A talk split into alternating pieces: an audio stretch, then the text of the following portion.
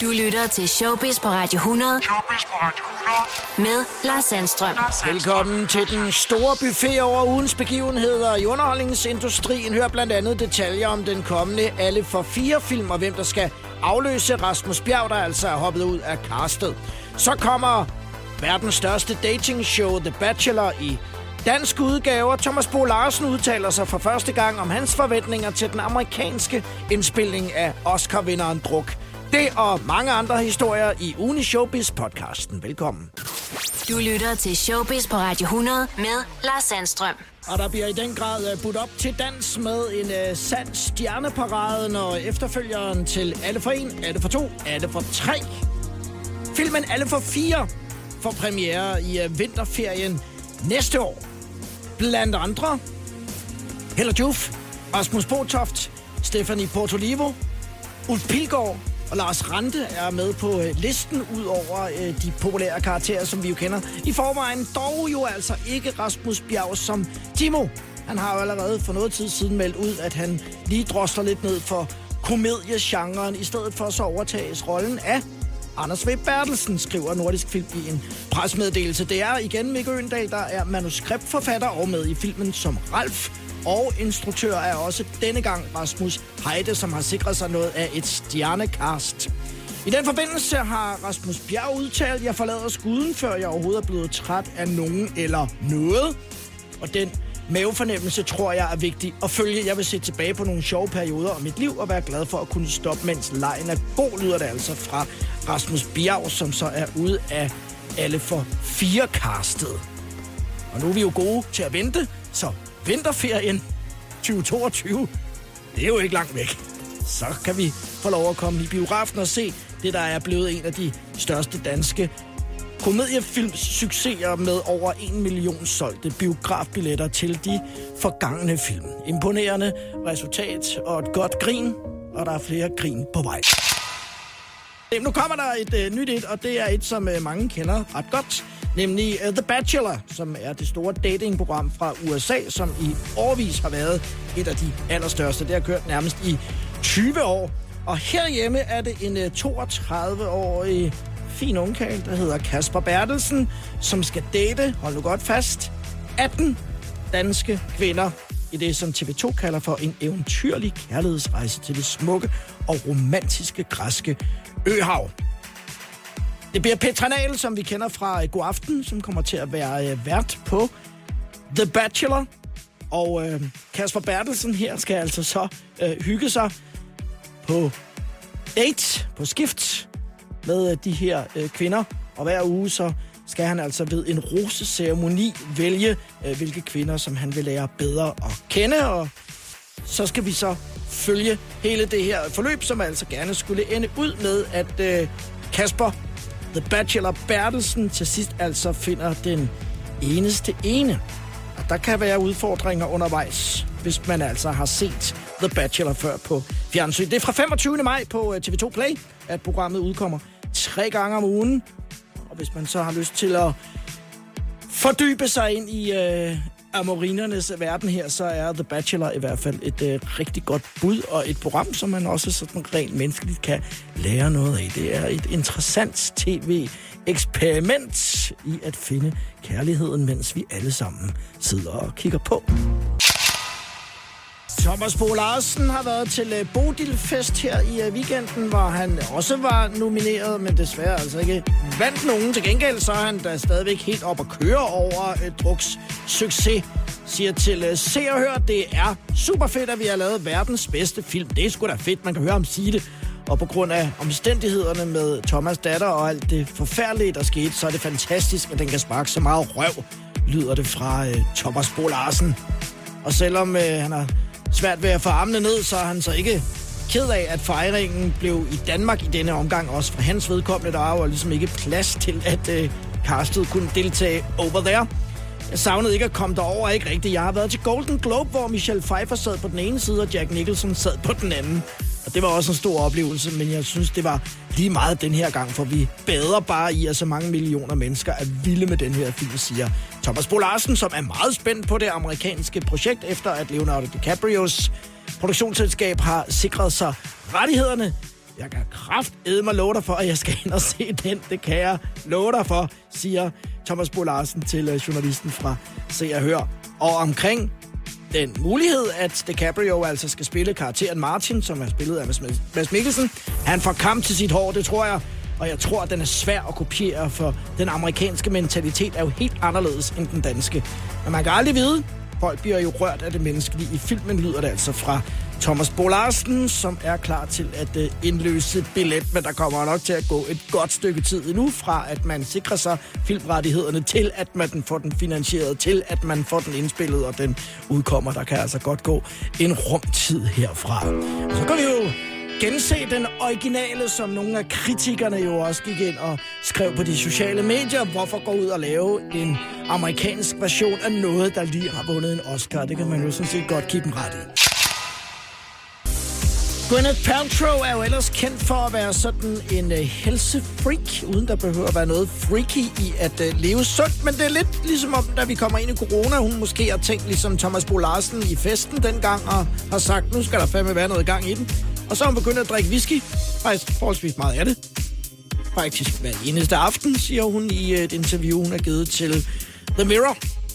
Hun brugte mad og alkohol til simpelthen at komme igennem krisen, og vi er jo ikke helt igennem endnu. Øh, hun har så taget 6 kilo på, øh, men har dog fundet ud af, at hun var nødt til ligesom at lægge livsstilen en lille smule om, så nu har hun så øh, tabt noget af det igen. Påpeger dog, at hun ikke har været stangstiv, men at det altså også medført, at hun fik lyst til at falde i sin gamle uvane rygning. Så er der fuld plade, alkohol, mad og rygning. Hun fortæller en videre, at det, der har fået Gwyneth Paltrow tilbage på rette spor, var en lægeundersøgelse, der viste, at hun havde fået en inflammation i kroppen, og hun skar derefter ned på sukkeret og droppede alkoholen, og så har altså tabt sig øh, noget af de øh, 6 kilo, hun har taget på igen. Men det eneste, jeg tænkte på i starten, var, hvornår kan jeg få min næste cocktail, siger Gwyneth Paltrow ærligt. Og det er jo så, det er så rigtig mange andre af os andre nok også har tænkt undervejs her i krisen i Showbiz på Radio 100, hvor Carol Baskin fra Tiger King, Joe Exotic-serien, nu introducerer sin egen kryptovaluta. Er inspireret af hele Bitcoin-ræset, og Carol Baskin udtaler, jeg er ved at undersøge kryptovalutaer, fordi jeg er bekymret over den mængde amerikanske dollars, der bliver printet og distribueret, uden noget til at bakke dem op fortæller hun på Big Cat Rescues website. Jeg kan lide ideen om at give penge og magt til mennesker snarere end til banker og regeringer, og derfor så har Tierdronningen selv altså lanceret sin egen kryptovaluta, som sjovt nok har fået navnet CAT med et uh, dollartegn foran. Skat. Gal Baskin understreger dog, at valutaen mest skal ses som en måde, hvorpå fans og dyreelskere kan støtte op om hendes reservat. Ah, for kryptovalutaen er nemlig ikke noget betalingsmiddel, men kan kun bruges til at købe eksempelvis merchandise eller virtuelle oplevelser hos Big Cat Rescue i Tampa, Florida. På hjemmesiden gør der også opmærksom på, at prisen kan svinge vildt. I skrivende stund koster en kat dog kun i omregnen af 60 kroner. Hvis vi altså også på et tidspunkt får mulighed for at komme på de kanter igen, jamen så kan der altså investeres i Carol Baskins kryptovaluta, men så skal man vist også være fan, for ellers så giver det ikke den store mening. Og i showbiz lige nu, U2, som altså sammen med Martin Garrix skal lave den officielle EM-sang, når EM-slutrunden i fodbold går i gang her den 11. i 6. Den venter vi på.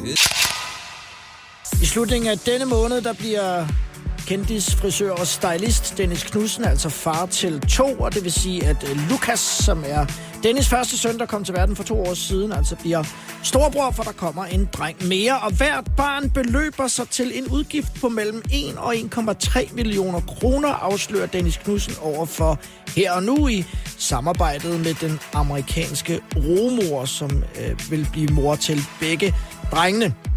Og til se og høre Dennis Knudsen tidligere fortalt, at han altså selv valgte, at han ville have endnu en søn.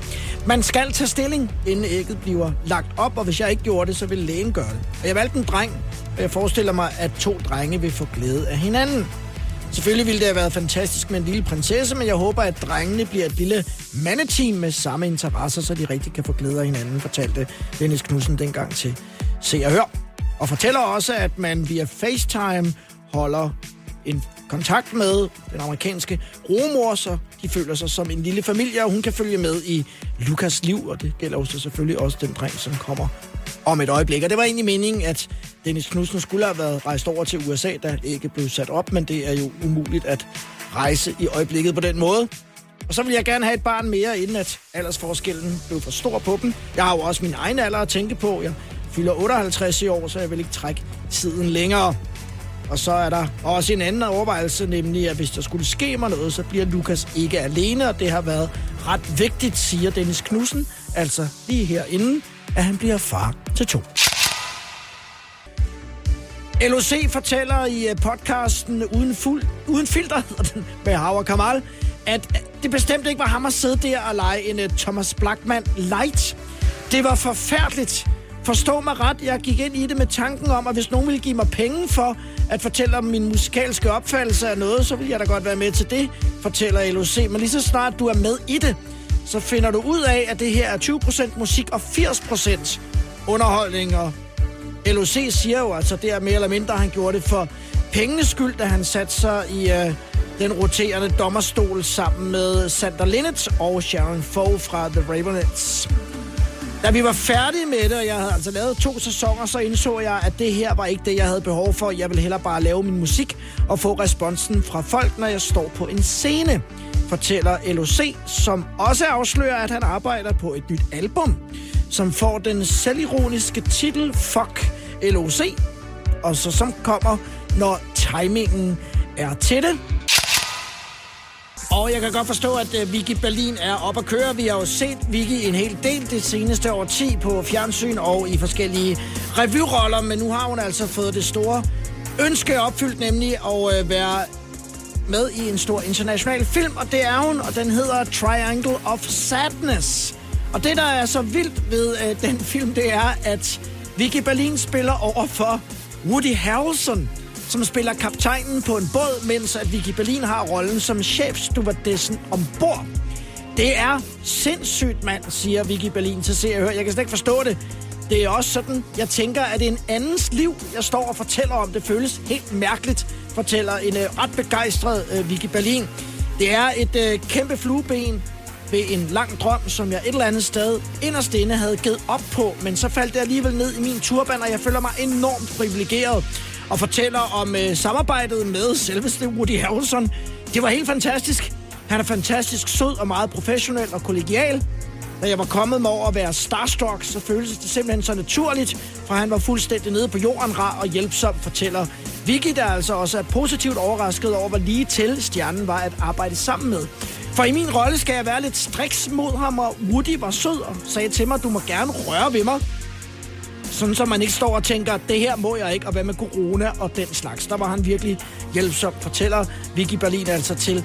Se og hør, der er ikke nogen premieredato på Triangle of Sadness endnu, men den får premiere på festivalen i Cannes denne sommer, hvilket altså så også gør, at Vicky Berlin kommer til at spacere op af den røde løber. Måske lidt bag Woody Harrelson, men trods alt sammen med Woody Harrelson. Godt gået. Tilbage i øh, nullerne, det er faktisk nærmest efterhånden 17 år siden, så var de altså et øh, power couple på øh, linje med Brangelina, Angelina Jolie og Brad Pitt. Og det er Jennifer Lopez og Ben Affleck, der taler om. De er blevet spottet sammen et par gange her på det seneste, og det er ikke bare fans af de to hver især, eller dengang de var kærester, som er glade.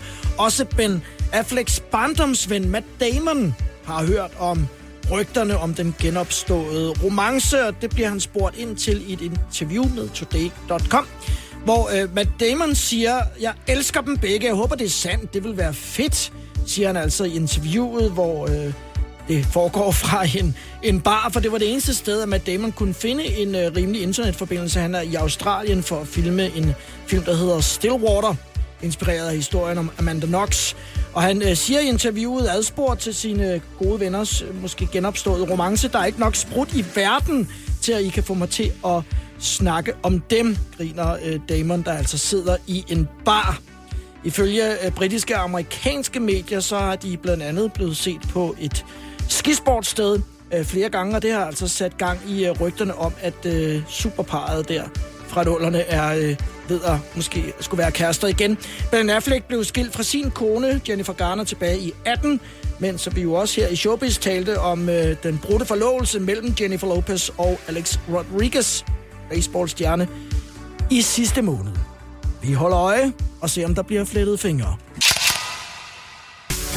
I aftes der var Melvin Kakusa på Godaften Live, hvor han øh, fortæller om øh, forløbet, efter han jo altså blev opereret for den øh, hjernetumor, som dukkede op tidligere på året, som jo altså blandt andet gjorde, at Melvin ikke kunne være barselsvikar i øh, X-Factor og måtte også indstille egen karriere midlertidigt og afslører i programmet, at han også mistede evnen til at tale.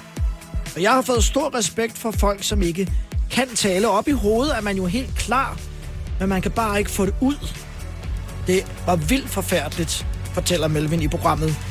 Men på trods af de alvorlige følger efter operationen, så kunne komikeren også godt få lidt sjov ud af den svære situation, som jo altså heldigvis så er passeret nu, og Melvin kan godt tale igen. Jeg har oplevet at sidde og se Champions League på min sygeseng, hvor der kom en sød sygeplejerske ind og sagde, at nu var det badetid. Og så sagde jeg, ej, der er jo lige Champions League. Men det var jo bare lyde, så hun svarede, ah, og du glæder dig rigtig meget.